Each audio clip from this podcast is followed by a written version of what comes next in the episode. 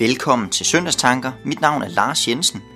Søndagen er 16. søndag efter Trinitatis, og teksten er fra Lukas evangeliet, kapitel 7, vers 11-17. Dette hellige evangelium skriver evangelisten Lukas. Derefter gik Jesus til en by, som hedder Nain, og hans disciple og en stor skare gik sammen med ham. Men da han nærmede sig byporten, se, der blev der båret en død ud, som var sin mors eneste søn, og hun var enke og en stor skare fra byen fulgte med hende. Da herren så hende, ynkede han over hende og sagde, græd ikke, og han gik hen og rørte ved borgen. Bærene stod stille, og han sagde, unge mand, jeg siger dig, rejs dig op. Da satte den døde sig op og begyndte at tale, og Jesus gav ham til hans mor. Alle blev fyldt af frygt og priste Gud og sagde, en stor profet er fremstået i blandt os, og Gud har besøgt sit folk og det ord om ham nåede ud over hele Judæa og i hele omegnen. Når jeg sidder med sådan her type tekst som dagens, så kan man nogle gange spørge sig selv, om det ikke bare er noget, der er sket for mange år siden. Altså, hvad har det med mig at gøre i dag?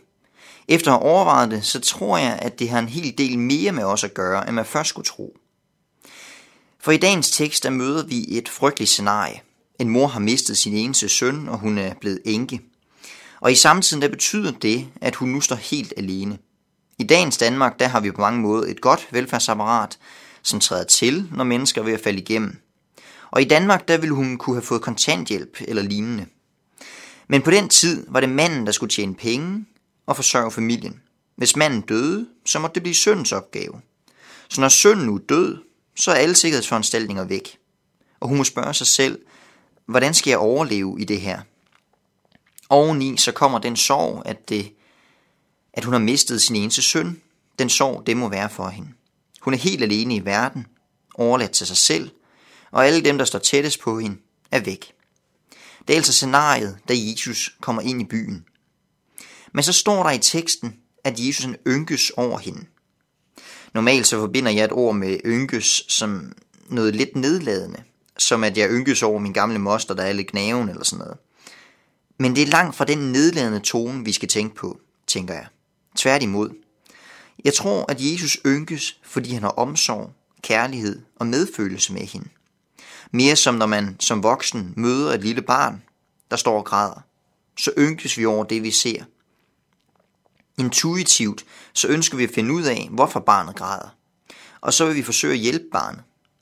Sådan tror jeg, at Jesus har det, da han ser hende. Hvorfor er det relevant for os i dag? Jeg tror, at det er der flere gode grunde til. For i dag er der mange mennesker, der lider.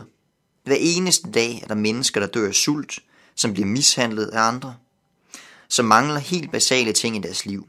For eksempel tag over hovedet, mad og omsorg for andre mennesker. Der er også mennesker, som måske ikke har brug for en ydre betragtning, har store problemer, og ikke har det så slemt materielt, men som lider på andre måder.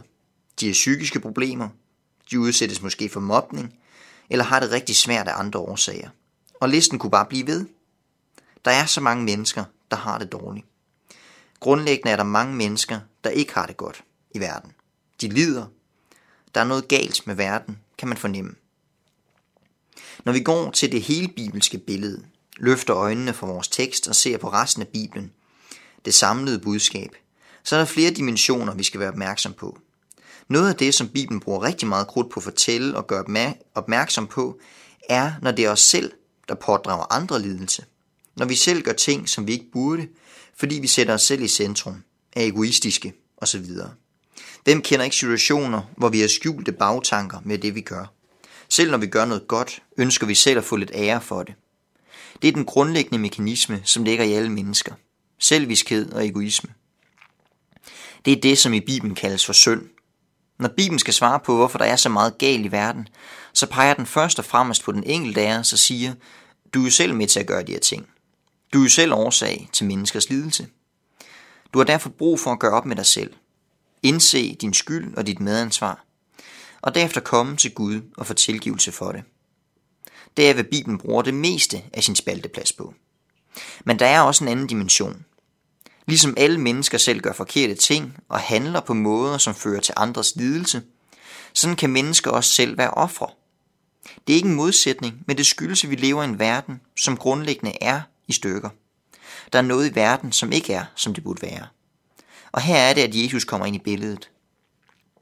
Han er nemlig ikke fraværende i menneskers lidelse og modgang. Tværtimod har han omsorg for mennesker.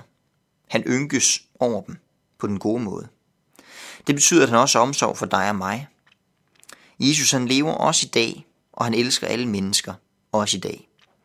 Derfor er en tekst som dagens ikke bare en fortælling om noget, der skete for lang tid siden, og ikke har relevans i dag. Nej, det er en fortælling, der viser, hvordan Jesus var over for mennesker dengang, og ønsker at være det i dag.